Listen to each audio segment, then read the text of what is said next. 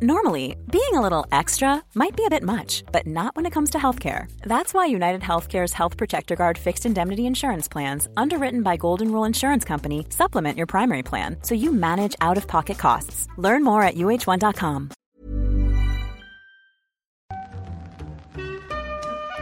In the supermarket, you have eggs class 1, class 2, class 3. And some are more expensive than others, and some give you better omelets. That's the wrong information. Wrong, wrong, wrong information. I didn't say that. That's the wrong information. Do you think I'm an idiot? Wrong, wrong, wrong information.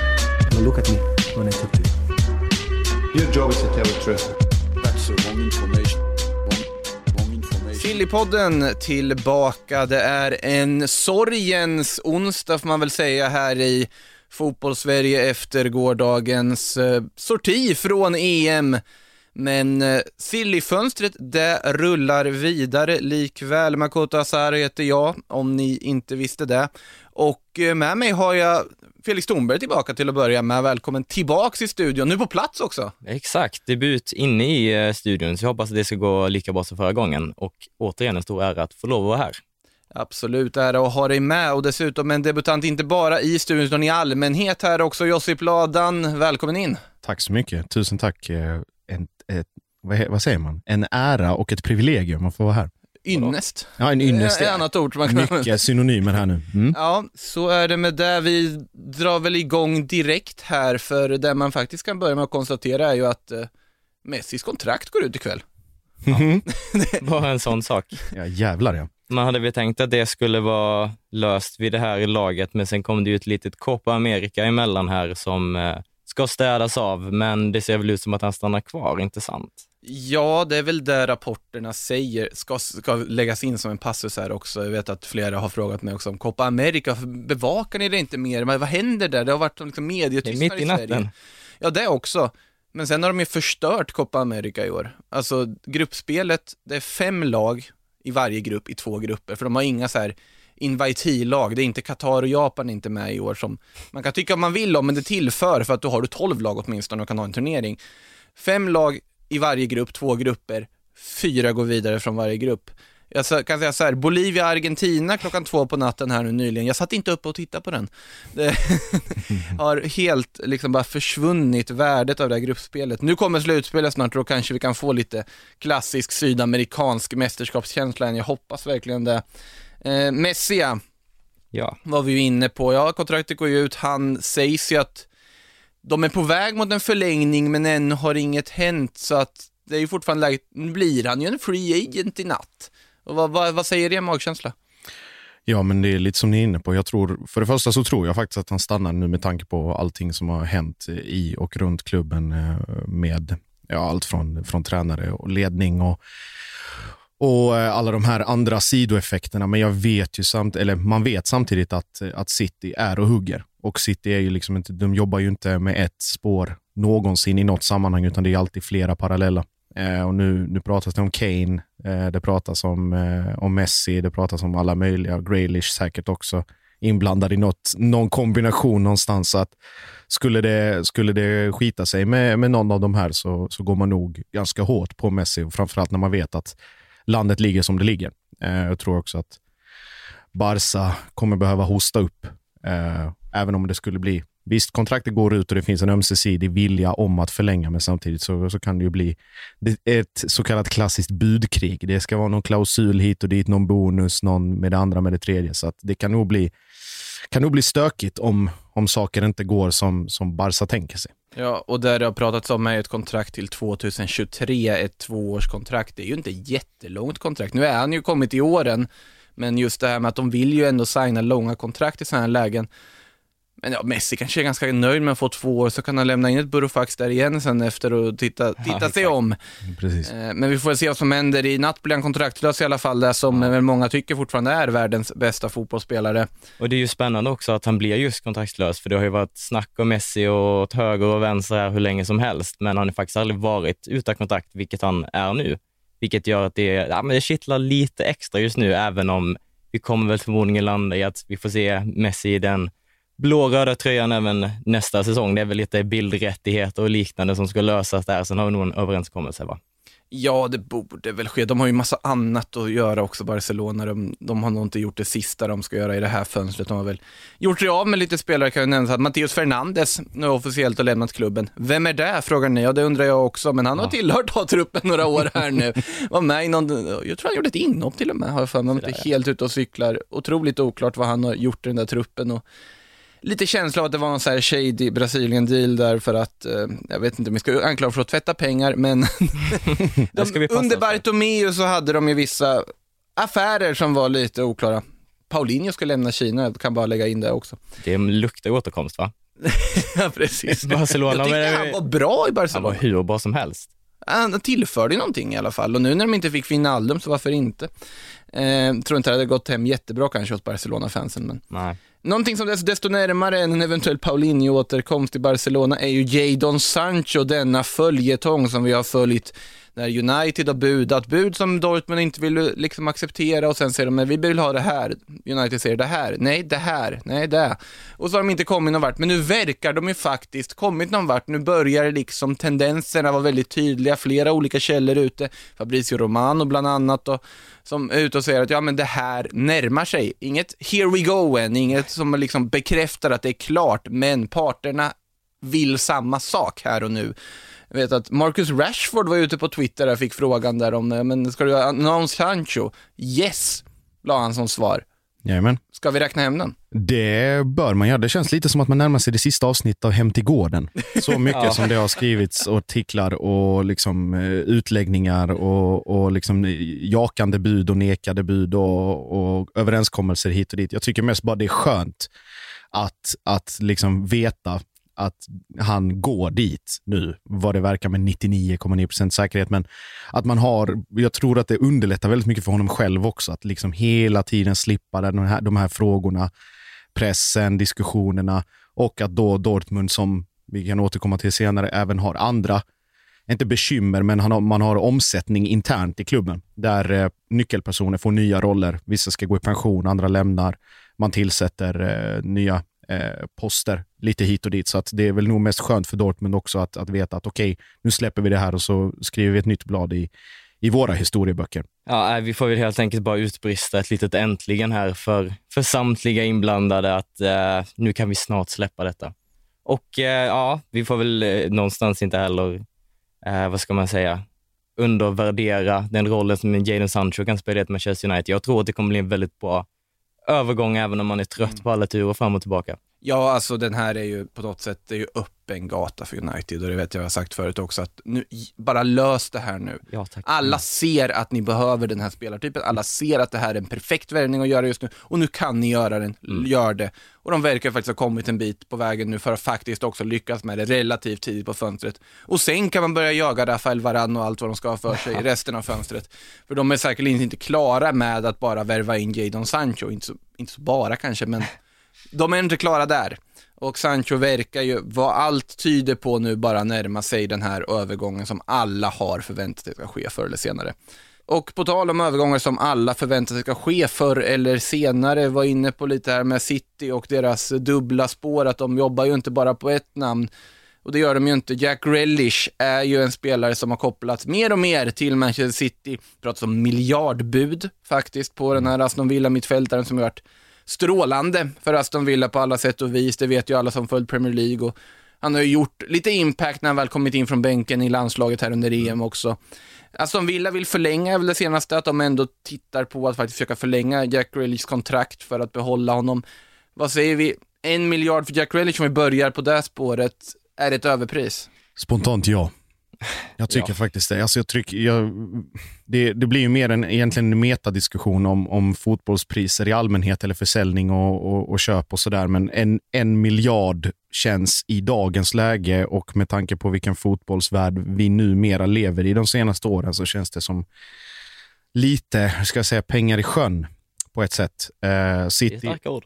Ja, det är starka ord, men eh, det är också, det- vi kommer komma till det sen, men just att, att man trodde på någon, alltså även om man, vi pratar om City och vad deras liksom, finansiärer kommer ifrån för ekonomiska förutsättningar, så det handlade, handlade i grund och botten om att för marknadens skull och för klubbarnas egen skull så känns det som att den här tillbakagången hade gjort dem mer nytta än vad, den liksom, än vad de kanske tror. Och att då liksom börja prata om den här miljardgränsen som man gjorde en gång i tiden med, med Ronaldo och Messi och prata om det för, för en brittisk spelare som går från Aston Villa.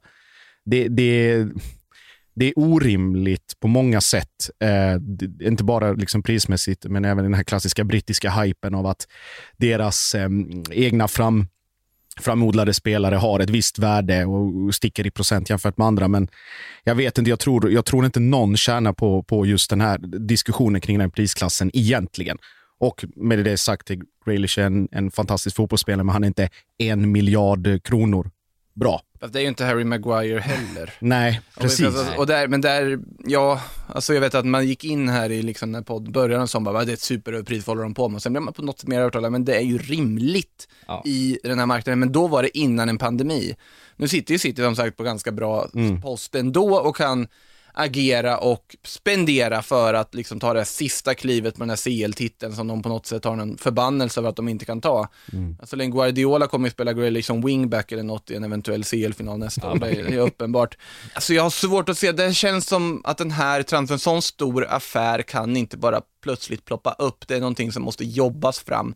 Sen är det ju ett kontraktsläge som gör såklart att det är aktuellt, men eh, jag tror inte att det här kommer att materialiseras till en övergång den här sommaren, men det går jag på det, magkänsla. Ja, men eh, om man ska återkoppla till den här diskussionen om huruvida Jack Relish är värd en miljard eller inte. Ja, det kan väl vara rätt så ointressant i sammanhanget egentligen. City har pengarna, de vill ha Jack Relish.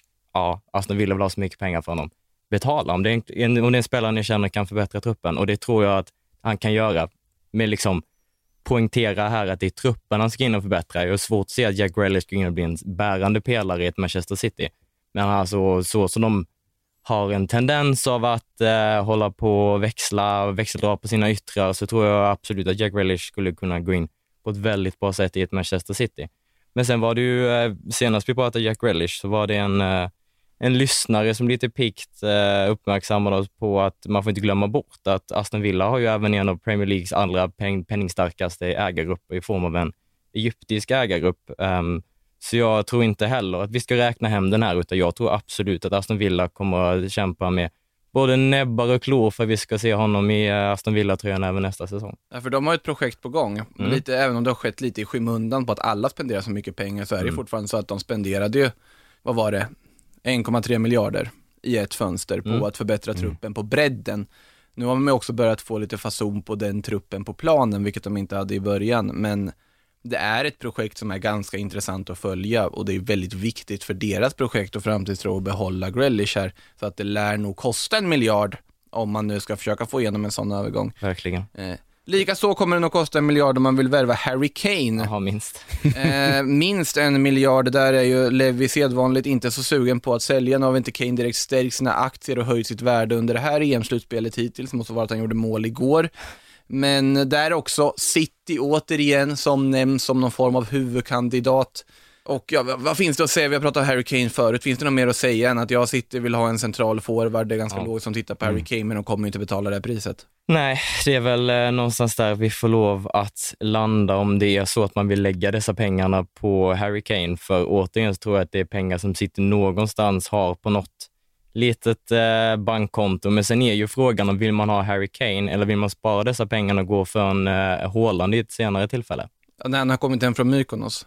Ja, exakt. exakt. Han ska- Kommer han någonsin hem från Mykonos? Nej, jag vet inte. Han ska väl hinna med någon, någon partyö till på den lilla, den lilla roadtrippen där. Men eh, sen så, så eh, ligger han där och, och lurar i vassen. För att dra en annan Harry Maguire-koppling, får väl hoppas att han inte förolämpar en hel civilisation och dess historia innan han lämnar. Nej, jag tror han är fullt upptagen med att välja outfits till sina Instagram-bilder. Så att, eh, han är nog... handdukar med Riyad Mahrez också så jag. Och restaurang stod de där gemensamt. Det kanske tyder på någonting, vem vet? ja, de var där samtidigt. Ja, men de var i samma sällskap Fast Al- också, Al- ska sägas. Alfie Haaland är väl också där? Fast är- pappa Haaland. Pappa Haaland är Ja, alltid exakt. vad Erling är. Eh, också otroliga, otroliga bilder eller otroliga rubriker från eh, om det var, norsk press eller brittisk press, där den här barnota-vinkeln igen, när den kom fram om att han hade spenderat 300 000 euro på någon restaurang och, och sådana grejer. Och där, där Haaland själv går ut och säger, ja, men jag glömde, jag glömde dricksa, så att det är Ah. fake news och lite sådana grejer. Så, ja, nej, han, han lever nog ganska gott nere i Grekland just nu. Kan man väl unna honom. Absolut. Ja, det, så är det. En liten shout-out till eh, Kristianstadstjärnan Therese Hessie Åsland som la upp en väldigt rolig Instagram-post där med en liten pik till Håland. Kan jag rekommendera att gå in och kika om ni vill. Vidare då till de spanska öarna, eller inte längre på de spanska öarna. I och för sig Sergio Ramos personliga gym som man får väldigt mycket Instagram-bilder från. Det är ju på de spanska öarna, eller spanska ön snarare kanske man ska säga. Fastlandet där då. Eh, han är ju kontraktslös, eller ska bli det också. Han lämnar Real Madrid, det är officiellt bekräftat klart, det har vi gått igenom. PSG, ett namn, ett lag som florerat mycket på sista tiden. Det var ju snack om att han har sagt till sina lagkamrater att han är klar för PSG och hej och hå. Om man ska tro ESPN så är det tre klubbar som ska ha liksom, anmält intresse för denna mittback då. Paris Saint-Germain, Manchester City igen och Bayern München. Spontana tankar om det? Ja, men det känns väl som att det är uppdukat för, eh, för PSG här. Jag har mycket svårt att se att Ramos ska röra sig varken till England eller till Tyskland här. Eh, Men sen samtidigt så ska vi inte glömma att PSG redan sitter på Marquinhos och Kim Pemp. Det är mycket dugliga mittbackar som har framtiden för sig. Fast det är inte Sergio Ramos. Nej, det är, inte, det är inte det. Men min lilla tanke som jag vill komma till här är att ska PSG börja spela trebackslinje nästa säsong? De är ju dessutom inte en enda duglig ytterback i hela truppen. Ja, fast jo, men Achraf Hakimi ska väl typ vara klar nu? Ja, just det. I och för sig. Det Och kanske- då är ju för sig en trebacksskifte ganska logiskt. Om ja, man han lär nu ju ska... spela wingback i så fall. För jag är, jag är ju väldigt tveksam till hur Achraf funkar i en fyrbacks. Alltså Mm, personligen på mm. det har sett av honom. Men det är inte en defensiva som är hans styrka. Den ska väl typ vara klar den övergången. Det var bra att du sa det, för den ska Ja, väl exakt.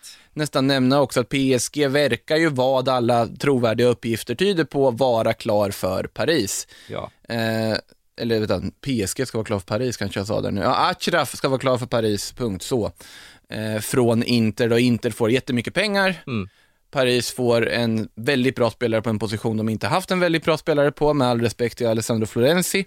Så, så är ju läget där, Achraf alltså på väg dit. Men eh, ja, Ramos, PSG, ja det känns logiskt. Mm. Det Och känns inte- helt logiskt. Inte bara spelmässigt utan även sett till eh, personlighet och lite flärd utanför Ja, planen så är exakt. ju Ramos, eh, collabon Ramos X PSG väldigt, väldigt Mm. eh, kompatibel med allt från Instagram-bilder till klädkollektioner till personliga En gym den sån eh, tjurig viftarduk också med Ja, ja, ja, ja, ja. eh, samarbete med Louis Vuitton eller liknande. Exakt, Ramos X LV. finns alla de möjligheterna i världen. Så sett till konkurrensen och vad det står här som du är inne på eh, Fredrik, så är det ju, om det är mellan City, Bayern och PSG så känns ju enkelbiljetten till eh, Charles de Gaulle ganska enkel att, att köpa.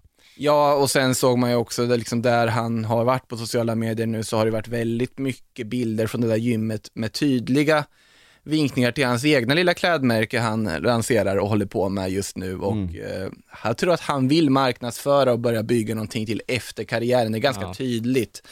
Och då är ju PSG det logiska valet på alla sätt och vis. Så att, Man eh, bygger ju inte ett klädmärkes liksom, imperium i Manchester. Det känns inte riktigt som att det går hand i hand. Eller i München för den delen. Nej, nej, man rör sig till Milano i, i, i så fall, men eh, nej, PSG får vi väl landa i. Ja, vi kan väl röra oss till München dock ändå här i alla fall. Vi, vi är ju transparenta i den här podden och då kan vi väl säga att eh, Josip här, han har ju god koll på Bayern München. Mm. Eh, till att börja med, hade du velat se Sergio Ramos i Bayern München?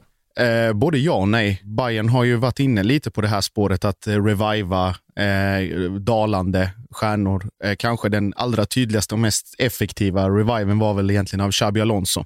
Mm. Eh, när man hämtade honom från, från Liverpool och, och skrev historia egentligen med, med honom på den positionen där. Men det hade varit absolut superintressant på, ur ett sportsligt perspektiv, men ur som vi än en gång är inne på personlighets och karaktärsperspektiv så är det väldigt, väldigt svårt att se ett sånt ego eh, i ett, ett bygge som, som Bayern Münchens. Det får mig då osökt att eh, gå in på nuvarande då ombyggnation som sker. Det är en ombyggnation ändå, skulle du säga. Det kan man absolut säga. Det är ändå alltså, det är eran post eh, Flick eh, och eh, Flick nu som tar över efter eh, näspetarmannen eh, Jogi Löw på den tyska tränarbänken. det också. Eh, Ja, eh, vilket innebär för Bayern München skulle bara snabbt att eh, Kimmich kommer ju återgå till en mer naturlig position som liknar den han har i Bayern München även i landslaget, vilket kommer lyfta Tyskland Vilket- oerhört. Vilket har eh, ifråga, efterfrågats något även under detta mästerskap. Exakt, minst sagt. Eh, men då att man hämtar, man kan ju börja där med att eh, man hämtar eh, Julian Nagelsmann för väldigt, väldigt mycket pengar eh, från Red Bull. Eh, och jag tror det är uppåt 30-35 miljoner euro man, man betalar för. Ja, det för kändes ju som, kändes ju som att han var, han var menad att landa i Bayern München förr eller senare. Det var Ja. ett, litet, ett litet mellansteg där i Leipzig. Precis, att han skulle vara, växa till sig och vara redo Mm. eh, med all resan han har gjort från Hoffenheim. Jag vet att man har varit inne på Klopp tidigare till exempel, men den kopplingen till Dortmund är alldeles för stark, så att han skulle nog inte sätta sin fot där. I alla fall. Eh, och med Nagelsmann så kommer ju också en annan typ av fotboll in eh, och framförallt en helt annan åldersstruktur. Eh, man har ju länge, länge, länge velat göra sig av med Boateng. Det kommer man definitivt att göra nu också. Det är väl bara frågan om när. Eh, man kommer göra sig av troligtvis också med Hummels. Müller kanske får... Men ser väl i Dortmund. Som har redan gjort av. Förlåt, förlåt för fan. Eh, nu är jag helt inne. Müller syftar jag på. Där är det också en diskussion kring om han, om han är fortfarande är att anse som, som en ledande figur eller om han är liksom på väg att, att dala. Eh, jag tror inte aktierna stärktes supermycket efter den frilägesmissen mot England. Det är inte lätt dock att göra sig av med Müller på ett Nej. smärtfritt sätt. Nej, precis. Och det vet man ju att det har ju varit diskussioner även under andra tränare. Jag kommer ihåg under Ancelotti till exempel och Kovac. Det var ju diskussioner om att City var väldigt, väldigt angelägna om att hämta honom. Det var andra klubbar intresserade också om att han skulle röra på sig och där var, där var ju ledningen gick in och blockade den transfern och sa att Thomas är väldigt viktig för oss. Nu med Nagelsmann, Nagelsmann som vi är inne på, det man ska inte glömma heller att i bakgrunden, som, som liksom, de kom in lite genom bakdörren och har varit legat och bubblat där. Eh, eh, vad heter det? Sar, Mark Rocca eh, och liksom den typen av spelare som egentligen ingen vet var de kom ifrån. Eh, har liksom bara, inte, de har ganska, få- fått en ganska perifer eh, ingång i, i Bayern München också. Så att de finns där som tillväxt. Och Sen vet man ju också att så fort det dyker upp en tysk talang som, som är uppenbart kan göra mål, Werner, eh, så, så kommer han ju förr eller senare med allra högsta sannolikhet även att hamna i Bayern München. Eh, så jag tror att det kan nog ske ganska mycket på ganska kort tid. Eh, och Nagelsmann kommer ju självklart att, att vilja ha sin typ av spelare, sin typ av spelfilosofi. Men det blir också intressant att se hur det kommer kontrastera med ledningen. Nu går ju, har ju Rummenigge aviserat att han ska lämna här om han inte redan har lämnat. Vilket också gör att, att balansen uppe i styrelserummet förändras och eh, hur ska jag säga, dynamiken mellan Hassan Salihamidzic då eh, och den övriga eh, klassiska, typiska Bayern-ledningen som har funnits där i så många år. Så att man står lite inför ett vägskäl, tror jag. Eh, och det blir jätte, jättespännande att se vilken väg eh, Bayern väljer att gå. Om det blir en mer, att man frångår sin klassiska modell lite grann eh, och försöker anpassa den lite till, till, tiden, eh, till tiden man spelar fotboll i. Eller om man bara går och, och går, fortsätter på den inslagna vägen som har gett så mycket resultat och framgång i egentligen i en halv evighet om man, om man använder den tidsparametern. Så jätte, jättespännande eh, i Bayern. De har ju redan agerat med också att plocka med Upamecano som är mest intressanta Precis. backen och fanns tillgänglig i princip. Den löste de ju snabbt. Exakt. Långtidskontrakt med Musiala också som är, anses vara en av de största talangerna man har haft i, i sin verksamhet på, på år och dagar. Hur är det med Lewandowski? Eh, också oklar status. Eh, Bayern, Bayern har ju haft väldigt länge en stark tradition av att inte behålla sina strikers under en längre tid. Eh, och Lewandowski har ju varit undantaget för att det är ofrånkomligt vad han har bidragit med. Han har i princip skjutit dem till, eh, till titlar på helt egen hand. Eh, Gerd Müllers rekord här nu till exempel som är slaget senast i åtanke. Men, eh, jag, tror att, jag tror att Lewandowski försvinner eh, och den luckan kommer att bli väldigt, väldigt, väldigt svår för Bayern att fylla. Frågan är om de ska göra att de ersätter honom rakt av och pungar väldigt mycket pengar för en, en enskild anfallare på ett långt kontrakt eller om man sprider Haaland. ut det. Ja. Haaland. Eller om man sprider ut det och gör det på två eller tre spelare och, och disponerar pengarna på det sättet istället. Du tror alltså att Lewandowski rör på sig? Jag tror att han rör på sig för att det, det, det känns som att han har uppnått vad han har kunnat i, i den ligan och i den miljön han har Men varit. vem värvar honom? Ja, Det är ju det som är, jag tänker då att, nu när de var med Kane och hämtade Lewandowski istället. just det. Nej, men PSG har ju faktiskt pratat lite Lewandowski. Absolut. Där, alltså lite löst i alla fall. Och det är väl enda man kan riktigt se. Juventus är ett annat lag Ja, som dykt gud. upp lite där som, Italien har helt klart, helt klart varit eh, uppe på, på tapeten. fast han är ju för bra för att vara aktuell för typ Inter eller Milan. I, alltså Inter och Milan har absolut ökat i status och kan locka en annan typ av namn än vad de kunde för tre, fyra år sedan. Men jag tror inte att de ändå har nått nivån där Lewandowski tar sig dit för en ny utmaning. Inte riktigt än. Nej, jag tror att om man bara ska titta på vilka som ligger närmst till hand så ligger ju Juve och PSG ganska, ganska nära, givet vad PSG kan göra på andra parametrar. Men att du har, jag tror att Lewandowski är definitivt uppe på en shortlist på, på fem namn även för till exempel Real Madrid. Även för City, skulle jag tro, utan att, och att det blir för kontroversiellt här. Men Det beror på, som sagt. Det finns, det finns namn högre upp i ranking. Framförallt då Haaland kanske och Kane för, för vissa klubbar. Ja, för det är en spelare alltså, som är en av världens absolut bästa, men som det har pratat ofantligt lite om sett till vad han faktiskt har för status. Det är inte omöjligt att han rör på sig i det här läget. Jag, tror ju, jag trodde ju snarare att han skulle bli kvar, men sen med Nagelsmann intåget och så vidare också så är det ju inte helt omöjligt att tänka sig, men då måste ju Bayern agera på ett sätt som de inte är vana vid att göra, som du nämner. Så att det är ju... Precis. Men det var ett lite för lite rök för att en spelare av Lewandowskis kaliber ska röra på sig. Jag har svårt att se Mm. det redan nu, men som du säger så kommer det ju förmodligen vara en process när Nagelsmann kommer in och det skulle absolut kunna vara. Eller det är en spelare man kommer behöva fasa ut förr eller senare. Mm. Och sen då, innan vi, innan vi går vidare, eh, man har ju tagit emot eh, bud från Liverpool. Här läste vi häromdagen från, eh, för Kingsley Coman.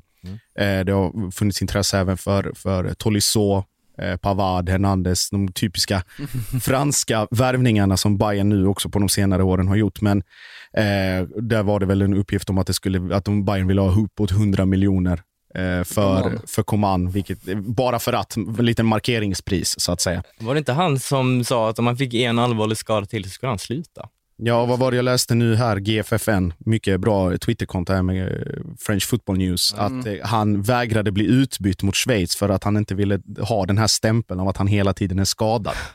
eh, så att, Då eh, spelar jag vidare skadad istället. exakt, men säga, jag vill inte bli utbytt för då kommer folk bara tjata på mig att jag är skadad. Jag vill inte bli Osman Dembélé.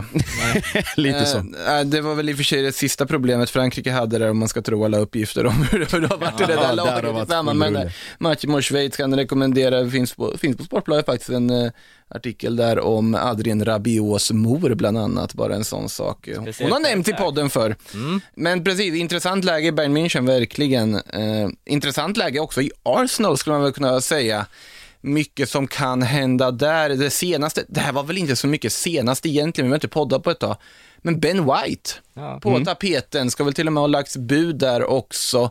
Jag tycker det här är en klockren rekrytering om man skulle lyckas med den. Ja, men jag är helt eh, enig med det här att Arsenal äntligen går in och pungar upp de här stora slantarna för en ordentlig mittback som dessutom har framtiden för sig. Det är inte att man hämtar en David Luiz som ska sjunga sin svansång, utan nu visar de att vi har identifierat att vi har ett problem i försvaret.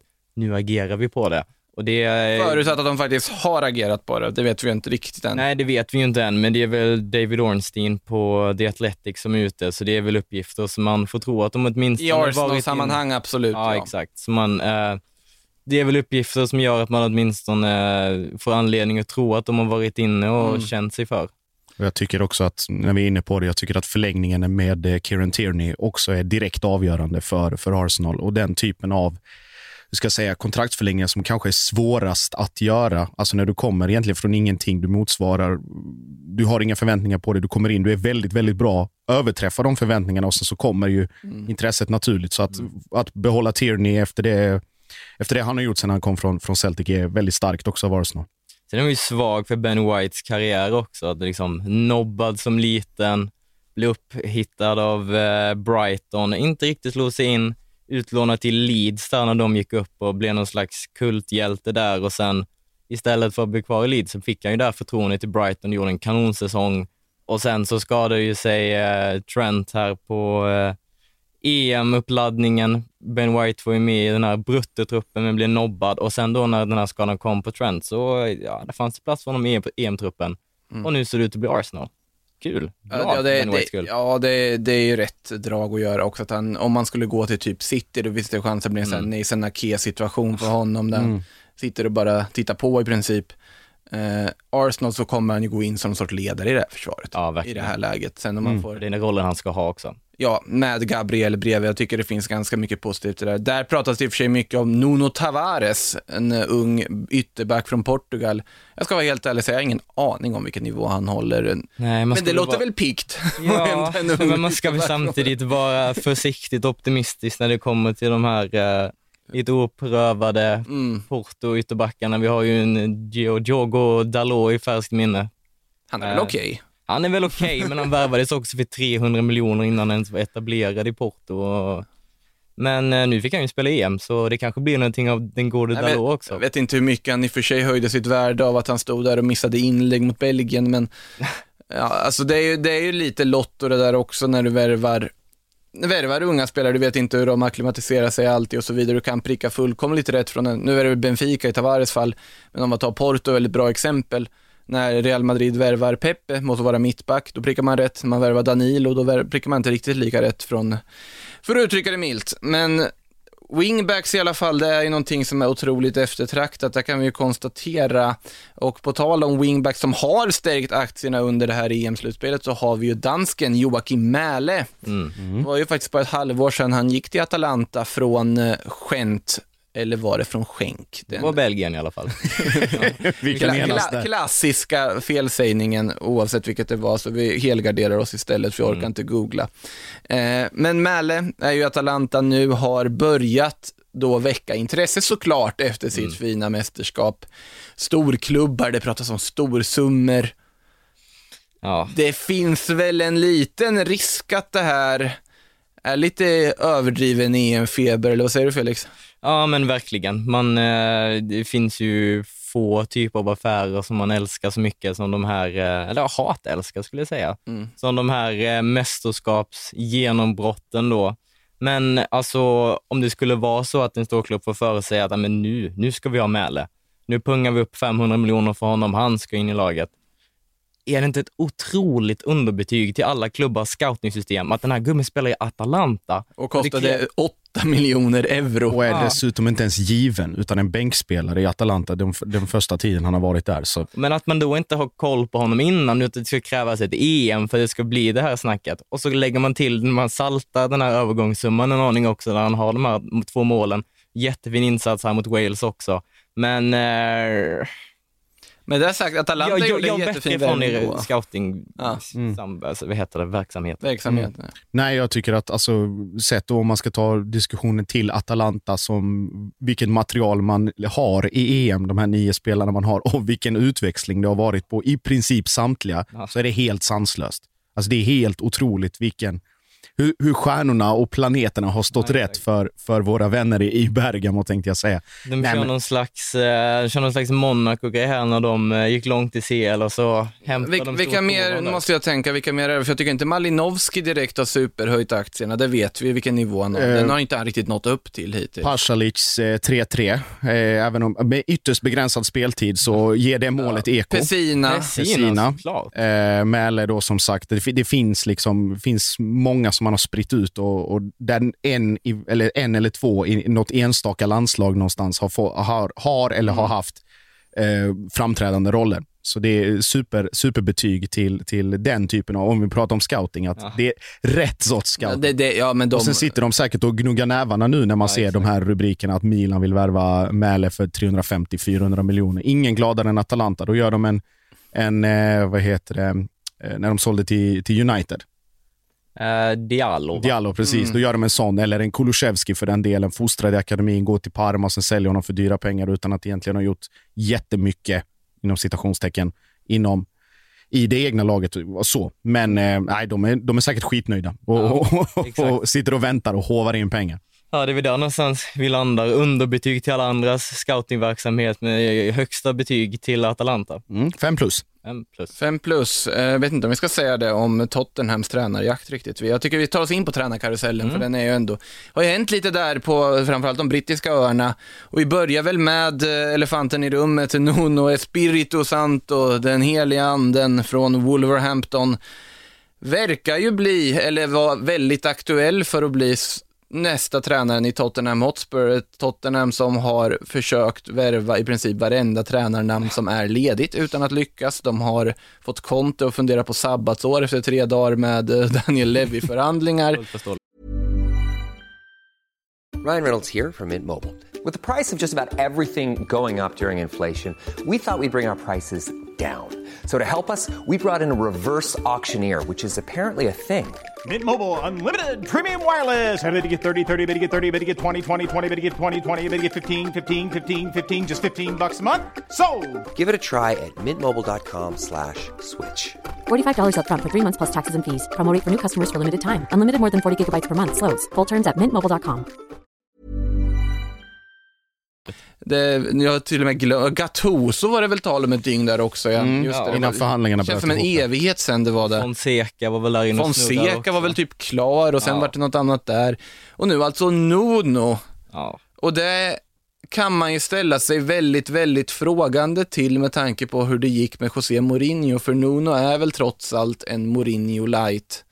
Alltså i hur han vill att hans lag ska agera. Naturligtvis han har vissa andra taktiska drag som är något mer moderna kanske än vad Mourinho skulle anses vara idag. Men det är ju en otroligt defensivt präglad coach. Vad, vad, fin- finns det någon logik ni ser i hur Paratic har agerat här? Det säger väl kanske mer om Paratic Ja, i så fall. Men nej, men det är, det är som ett avsnitt, alltså Tottenham börjar mer och mer bli avsnitt, som ett avsnitt av The Office. Ja. Eller bara liksom, och det brittiska såklart med David Brent som, som huvudkaraktär. Men nej, men alltså, det, jag vet inte, det, det, det känns som, som att Tottenham lever i någon, någon parallell verklighet eller något parallellt universum där liksom all logik försvinner och all, all liksom rim och reson flyger ut genom fönstret lika snabbt som det, det kanske kommer in. Alltså, Nuno, jag, jag förstår det på, på ett sätt. Det, är liksom, det, det är ett statement och det är, han har gjort vad han har gjort i Wolves, men det är han har gjort vad han har gjort i Wolves. Det funkar säkert på, på Molineux Stadium och, och göra vad, vad han har gjort med det materialet, men att, Då hört det funkade på Molina Stadium. ja, men att du kommer till Tottenham och sen plötsligt liksom med, med Mourinho-bagaget i, i, liksom, i, i närtid och, och alltihopa. Jag vet inte. Och så Le, Daniel Levy på det och, och alltihopa där runt omkring. Jag vet inte. Det är, som ett bisarrt avsnitt av, av vilken valfri konstig sitcom som helst, där vad som helst kan hända precis när som helst. Jag, jag vet inte. Jag har svårt att se svårt att se att Tottenham på något sätt skulle gå liksom stärkta eller enade eller med någon som helst lärdom av det här. Nej, det Hur enda, det än blir. det enda logiska här, det, är, det enda logiska i den här liksom snurran, det är väl att eh, Nuno är tillgängliga. Det börjar ta slut på alternativ här. Det var även fint att se att när det var snack om att Nuno till, till Tottenham då, så började det direkt eh, trenda på Twitter, no to Nuno. Det liksom ba, både att man tar avstånd ifrån det, men också att det finns någon slags klang som gör att det låter väldigt clean. No to Nuno. No to Nuno är bra hashtag. Ja, det är det. verkligen. Genomtänkt och dessutom, eh, jag skulle säga rimlig. För jag tycker inte heller att man ska in med en, med en Nuno i Tottenham. Det känns inte som en, som en långsiktig eh, lösning som kommer att gynna någon av parterna. Jag menar, Nuno, han, han löser ju inte ens jobbet i Crystal Palace och nu ska han ta över Tottenham. Löste? fick han inte. Var det inte mer att han inte ville ha det? Ja, oavsett så var det en deal som inte gick igenom, men det var den typen av klubbar som intresserade honom innan. Ja, det, det säger i och för sig en sak.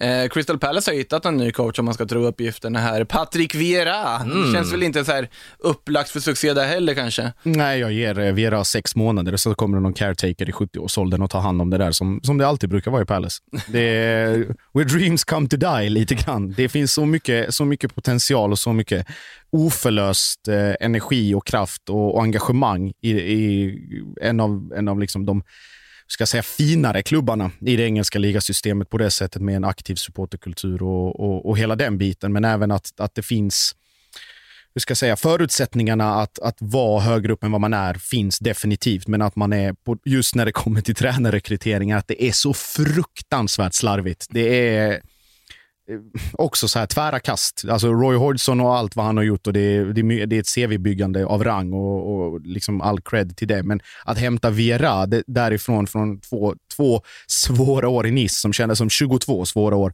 eh, och sen in i, in i Palace och, och med den, det namnet han kommer med också. Det är ju inte bara att du glider in genom någon bakdörr utan nu är det Patrick Viera som kommer. Så eh, nej, jag, jag vet inte, det, det känns det känns korttids... eh, Jag, ge- se- som sagt, sex månader. Sen är det- Allardyce har ju redan börjat uh, sitta hemma och fundera på hur han ska ta sig an den här förhandlingen när, uh, när Crystal Palace redo, ja. ligger, ligger på en men väl- 15 plats det- det med rätt. 12 omgångar kvar. Mm. Ja, men man, eh, man, vi, vi kan väl säga så här att Vera, det, det är ett jättespännande namn, men man vet för lite om honom som tränare för att egentligen kunna uttala sig om hur det kommer att sluta. Mer än att rent historiskt sett så är den här typen av rekryteringar sällan lyckade. Mm. Ja, vi, jag sitter, satt mest och funderade på Andrea Pirlo här av någon anledning. Det, tänkte om Nuno skiter sig då, hur lång tid ger ni till Andrea Pirlo ryktas till eh, Tottenham? Nej, det måste ju vara nästa namn. Jag kan knappt komma Sean på... Dyche, Ja, ja. Stevie Bruce. Eddie Howe har det inte pratats om eller? Eddie Howe har det väl inte pratats om till Spurs, men det hade varit mer rimligt på något Ja, sätt verkligen. än, än där de håller på med just nu. Kanske blir någon, någon vaktmästare någonstans som Ja, ringer snart exakt. också för att hoppa in. Ja, det hade varit någonting. Eh... nu ska vi se, jag fick en liten live-update mer, medan vi sitter här och eh, poddar från eh, Cesar Fältskär, vår kollega som var med här senast. Eh, Nuno Tavares to Arsenal, done deal and here we go confirmed. Så Tavares alltså, den här Benfica-ytterbacken vi pratade om, klar för Arsenal om man ska tro Fabrizio Romano. Dessutom också snack om Guendouzi till Benfica, men han vill hellre gå till Olympic Marseille. var också snack om det. Tackar för den snabba updaten. Så är det med det. Och eh, jag vill inte lämna den här tränarkarusellen än på tal om så här udda namn som kopplas till klubbar. Vi måste ju konstatera att Rafa Benitez vad allt verkar ska till Everton. Det är ju intressant av flera skäl. Rafa Benitez är jätteduktig coach såklart och det känns ändå som att ja, han skulle kunna förvalta det här Ancelotti, det har han ju gjort förr, kom jag precis på. Förvaltat Ancelotti-lag. Det gick inte jättebra när han skulle göra det senast. Det sket sig. Eh, Exakt. det, historien har en förmåga att återupprepa sig själv, men i det här fallet då till Everton alltså, som ju då är en viss konkurrent till Liverpool, där Rafa Benitez ju en gång i tiden var väldigt framgångsrik. Men det känns väl ändå som en så här någorlunda rimlig lösning, även om Eddie Howe hade varit kanske mer rimligt för Ja, Everton i verkligen. det här läget. Mm. Ja, nej, men det, är- det är ju som du säger att det blir ju intrikat här eh, utifrån att eh, Rafa Benitez är ett så pass stort namn i eh, Liverpool-kretsar, men eh, han tyckte väl om staden och såg en öppning och nu, nu beger vi oss tillbaka. Han har koll på sina favoritrestauranger och, och så vidare. Men eh, ja, Rafa Benitez, det är en, det är en tränare med ett eh, imponerande CV, men eh, det är också lite en li, alltså liknande rekrytering som Everton har arbetat på sistone med, eh, ja, jag tänker på Ancelotti och med eh, Koman var där och så var det ju även, eh, vad hette den här portugisen som var i Watford innan? Ja, nu står det helt still i huvudet. Ja, samma här. precis vem vi, vem vi pratar om. Det här är ju illa. Vad heter han nu igen?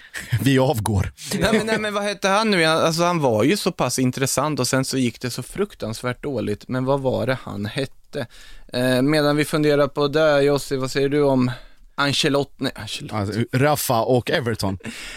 Det, det börjar bli Patrik Syk. Nej, jag, jag tror... Marco Silva. Marco Silva heter han såklart, varför har jag glömt bort det för? Där räddar vi oss själva. Nej, men eh, jag tror att, eh, att eh, Rafa och Everton kan säkert bli en, en eh, stabil, det kommer inte bli en stabil kombo. Det kommer inte bli något wow. Det kommer, jag tror inte det kommer bli praktfiasko heller, utan det kommer bli lite som det alltid har varit i Everton. Man skvalpar någonstans i mitten och man lever för de här Merseyside-derbyna och, och hela den, den grejen. Samtidigt så tror jag nog att Rafa är bara extremt glad över att få komma tillbaka till en miljö han är väldigt, väldigt bekant med, som du är inne på, och att slippa Kina. Ja, Eh, han går från, alltså från att träna Sam Larsson och Marcus Danielsson till att komma tillbaka till, till kanske sin favoritstad i hela världen. Så ni är nog ingen gladare än han i det sociala avseendet. Ja, och då måste vi ställa oss frågan, tar han med sig Danielsson till, eh, till Everton? Nej, det kanske han inte gör, men eh, innan vi går in på lite lyssnare, ska jag bara säga att Marco Silva har tittat nytt jobb efter Everton. Jag kan förklara varför jag glömt bort hans namn. jaha. Eh, Han är på savannen. Ja, han är på savannen, precis. Eh, vi kan väl liksom konstatera också, vi ska inte påminna er kanske om att Sverige åkte ur mot Ukraina igår i EM-slutspelet, men samtidigt måste man ju ändå fråga sig, de svenska spelarna, för där var det ju många som stack ut. Nu har ju Emil Forsberg redan skrivit på sitt Leipzig-kontrakt och kommer ju bli kvar där. Det finns ju inte att det ska bli någon transferhistoria, men är det någon annan spelare ni ser att den här spelaren kan ha stärkt aktierna för att göra en flytt? Ni får inte svara Alexander Isak. Rackarns. Eh, Quaison, skulle jag säga. Var det inte prat om Al-Ittad där? Det var prat om Saudi och det ska väl egentligen vara done deal om man får tro saudiska medier. Det har jag väldigt svårt att se, men jag tror att, att liksom, de sekvenserna och de relativt begränsade speltiden han har fått så märker man att det är en spelare som, som är fullpumpad av självförtroende och som hur ska jag säga, gör jobbet men inte har det här nödvändiga behovet av att avsluta i varje läge han kommer till, utan även lika gärna kan passa. Jag tror att, att eh, en flytt internt, kanske inom Tyskland, från Mainz till ett lag som har högre ambitioner eh, i högsta grad skulle vara rimlig för, för Quaison. Eh, kanske då till och med till, till Italien. Det har jag pratat om Roma tidigare. Mm, Eh, just det. det spekulerats kring det också. Så jag tror att, att Quaison, Quaison ligger nog bäst till om man inte får säga Isak. Mm. Eh, Jag, vill fan, jag känner att jag vill inte släppa eh, Foppa än. Jag tycker att det kittlar lite att han har det mästerskapet som han har och vi har en Nagelsmann-koppling i Bayern München och ska han inte röra på sig nu? Det är dags. Nu sitter Nej, han och alltså, gnuggar han- nävarna i Han Leipzig. sitter ju med ett så bra läge i Leipzig, han har så otroligt förtroende, han är omtyckt av fansen, han får en ny tränare som väl ska använda honom lite mer centralt också, han ska få den här rollen, nummer 10-rollen, där han är så pass bra och visa att han är så pass bra. Jag tror inte han skrivit på det där kontraktet om inte han kände sig helt hundra på att det här, ja, jag trivs ändå. Det är ändå ett Champions League-lag, ett lag som spelar i en riktigt bra liga. Men sen kommer EM här också. Ja, var ska han gå då? Bayern München. Finns ju inte att Bayern München, ja, hänga med Julian dit ja, och Ja. Ja, då, Ja, men då, vilken bomb det, det, hade det är klart varit. det inte kommer hända, men Vilken det bomb det varit. jag tycker man, efter mästerskapet han har haft får man lov att drömma lite. Mm. Men om vi ska prata rimliga namn så måste man ju landa i Robin Olsen också. Han kan ju där med mästerskap. Och han ska väl inte bli klar i, i Roma, det kan väl inte någon bli Visst, glad han av. tillhör ifall dem han, fortfarande, ja. eh, Ifall det skulle bli så. Mm. Han, fick, han får ju varken spela och dessutom så är José Mourinho ny tränare i Roma, så det känns inte som att man kan vara lycklig i rum då. Jag vet inte om det var i det här forumet som jag bara slängde ur mig Olsen till Granada, men jag gör det igen om inte annat. Bara, bara på att jag vill se det hända. Det känns, det känns, lite, det känns lite jättekul eller? Jag tycker det känns jätteroligt, helt ärligt. Jag blir jätteglad om han går till Jesus. Granada. Eh, de behöver en målvakt efter att Rui Silva har lämnat. Om de inte värvat in någon som jag har missat, kan ju vara så. Det är, liksom, det är liksom det bästa budet vi kan ge Robin Olsen nu efter Ja, men det är väl precis lagom. sanslösa enhandsräddningar i femman. Ja men det är väl precis lagom. Alltså, jag kommer ni ihåg när uh, Guillermo Ochoa var så fantastisk för Mexiko? Vart hamnade han? Ja, det vart inte någon superklubb. Han var väl typ kvar i Standard Liège och drog någon sväng till Frankrike och sen blev bortglömd igen. Han gjorde inte, alltså, det är lite där på målvakter som gör succé i mästerskap. Ja, du kan absolut och gå. spinna. Och Spinar. Roliga var att han var faktiskt på lån i Granada just Ochoa. Oj, oj, oj, oj, Det oj. finns en 16 koppling till här. 17. Eh, men sen var det Standard Liège där han hängde och sen drog han till Amerika och hängde i Mexiko istället. Han har ju haft, alltså sett ju bra, han alltså en ganska blek karriär sett till kvaliteten på den målvakten för övrigt, just Ochoa. En sån här målvakt som Patrik Syk inte hade gillat, 1,83 lång. Eh, men eh, Olsen ja, jo, Kan inte, det känns det inte som att, ja, inte Granada, men eh, skulle han inte kunna gå till Spanien efter den insatsen han levererade mot eh, spanjackerna? ja, men vilken annan spansk skulle du vilja se honom i då? Vilket jag skulle vilja se honom. Det är en, eh, det är en mumsig fråga. Det är klart man, alltså nu har ju Villarreal redan en väldigt bra målvakt, men det är ju den typen av klubbar som jag både tycker- Rui och Asenjo dessutom. Ja, men Jag, tror, jag väl, tror inte han riktigt är på den, alltså gå in i start i en klubb på den hyllan. Alltså, Sevilla har inget målvaktsproblem, de har Bono, Villarreal har inget målvaktsproblem. Betis värvade Rui Silva från Granada precis, så de har inte heller problemet. Real Sociedad satsar av någon oförklarlig anledning på Alex Remiro fortfarande bara för att han är så bra ska, med han- fötterna. Ska, ska han inte dit och leva loppan med Isak då? Jag tror, nej, det hör inte. Alltså, Real Sociedad har redan värvat en svensk målvakt förut. Han heter Mattias Asper och det vart ingen succé. eh, så att, Det är eh, djupt i arkiven. långbyxor i alla fall. ja, svenska spöket kallas det väl något i den stilen. Var långbyxor naturligtvis. Mm. Det, många år sedan nu Mattias Asper hängde i Sociedad, men eh, det tror jag inte sker. Men jag säger Granada. Jag tycker det hade varit jättekul. Men andra spelare då? Om vi inte eh, Danielsson hade haft det röda kortet så jag tror han hade kunnat få ett litet lyft. Jag tror inte att han eh, mår som bäst i Kina. Och jag, det är inte en spelare som den breda massan har koll på sedan tidigare. Gick det ju som bekant direkt från Djurgården till Kina. Och det är väl någon slags massflykt ifrån Kina nu. Så om vi inte hade haft ett rött kort där, så jag tror han hade kunnat hämta någonting, även om han inte var den mest stabila spelaren i den svenska tr- i truppen då, så eh, tror jag absolut han har fått nya ögon på sig. Jag skulle säga så här, utan rött kort typ Bologna, med rött kort typ Rubin Kazan. Ja. Åt det hållet. Ja, helt. Det var, det var, det var ett ödesdigert rött kort på många sätt. Alltså, ja, men lite så tyvärr, även om man kan diskutera liksom, eh, intention och så vidare. Såklart han hade otur i situationen, även om det är rött kort och så vidare. Ni som undrar vad vi tycker om den här diskussionen, gå in och lyssna på EM-podden. Den är ju samma flöde som detta dessutom. Kan ni göra. Eh, men det sagt, klockan rullar. Jag tycker vi ska gå till lite lyssnarfrågor. Sedvanligt många som har droppat in här. Eh, eh vi kan väl kika här, börja med Skalman. Vart är Sofia Jakobsson och Kosovare Asllani på väg? Sofia har lämnat, Kosovo har hindrat om att hon ska lämna. Asllani verkar ju faktiskt bli kvar enligt de senaste uppgifterna till spanska AS, att hon har valt att förlänga det. Vi får se om det stämmer, men enligt då AS som ändå i Madrid-sammanhang får anses relativt trovärdiga, skriver då att Asllani blir kvar. Jakobsson har ju redan bekräftat att hon lämnar, där har det pratats om bland annat Bayern München och Paris Saint-Germain, kanske med mer lutning åt det förstnämnda alternativet för henne, där då Fridolina Rolfö ska lämna. Eh, vidare då, Eh, på tal om EM-spelare som gjort det bra, Johan Lindström frågar, spelade Renato Sanchez till sin flytt i och med sina dominanta insatser för Portugal? Definitivt. Du tror det? Ja, jag är helt, helt övertygad. Det snackades ju redan om att han skulle lämna innan EM efter den eh, säsongen som, som Lill har gjort. Eh, och jag tycker att Sanchez har tagit revansch på, på sig själv och alla i andra i sin omgivning, både den närmare och den bredare. Eh, det ska han sitta här och, och droppa eh, klyschiga citat, men det, det är fortfarande nu med bayern ögon sett också hype, hype-värvning en gång i tiden och sen blev det lånekarusell och det blev Swansea och där det inte blev en minut och fram och tillbaka. Så det är otroligt starkt eh, mentalt av, av Sanchez att, att lyckas och, och liksom, man pratar om, om klyschor men fortfarande vad rätt miljö kan göra. Och att du kom till Lill och, och att man gjorde, gjorde det man gjorde för, för alla inblandade. Bara kolla Burak Yilmaz till exempel. Ja. Efter den säsongen med sen platt fall i, i landslaget så har ju Sanchez gjort precis tvärtom. Ja. Liverpool. Vi flaggade ju även för en eh, Renato Sanchez genombrott, eh, EM-genombrott 2.0 här tidigare i podden. Så det fick vi ju kanske rätt för. Du minns mer vad vi har pratat om. Ja, ibland så, ibland så när jag letar i minnesbanken, men det är väl lite som Josip inne på här att eh, ja, han har väl förmodligen stärkt sina aktier en aning, men han gjorde det ju redan så pass starkt under säsongen i Mm. Lille, så en Leicester kanske? Vad säger vi om det? Oh, ja, där, men då ska de alltså göra sig av med Thielemans då, för jag har svårt att säga båda. tror jag de gör också.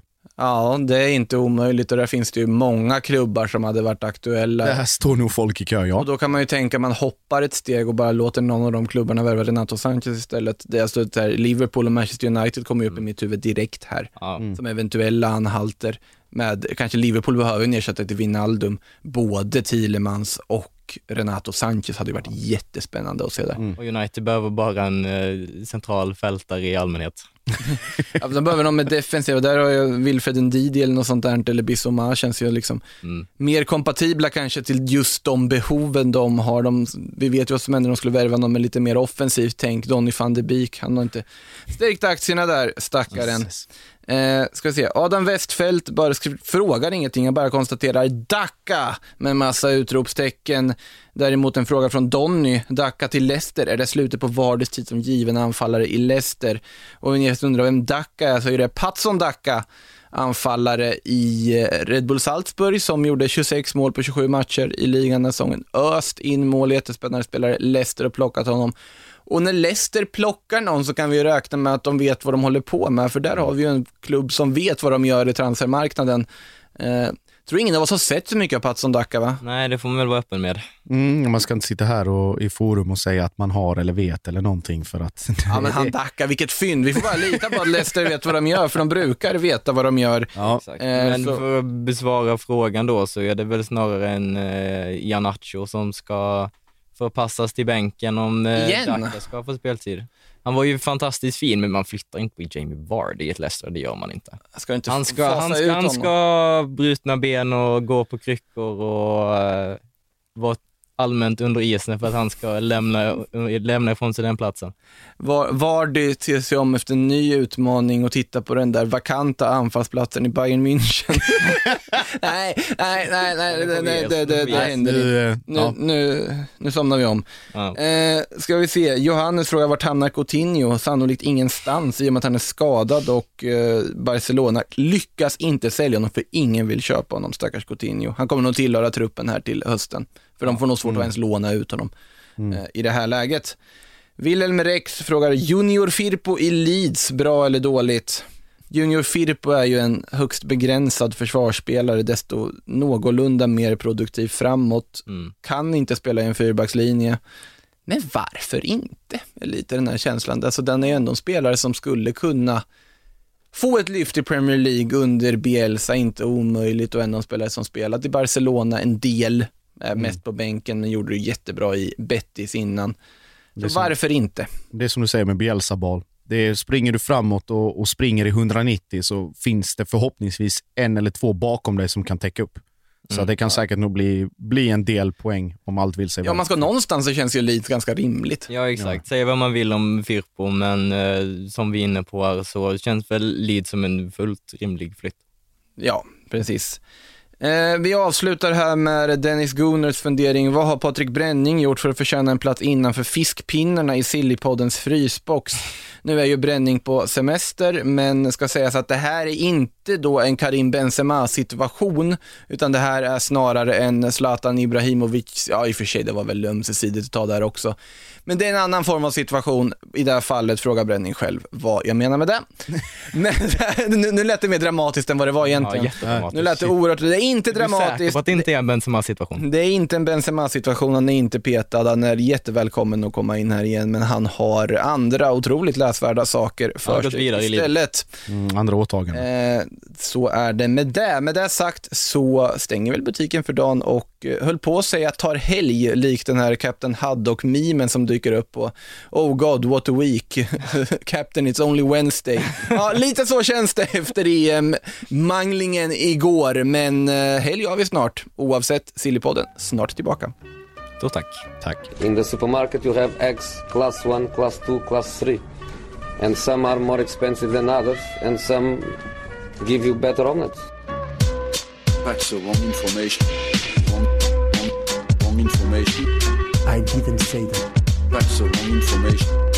Do you think I'm an idiot? Wrong, wrong, wrong information. Now look at me when I talk to you. Your job is to tell the truth. That's the wrong information. Du har lyssnat på en podcast från Aftonbladet. Ansvarig utgivare är Lena K Samuelsson.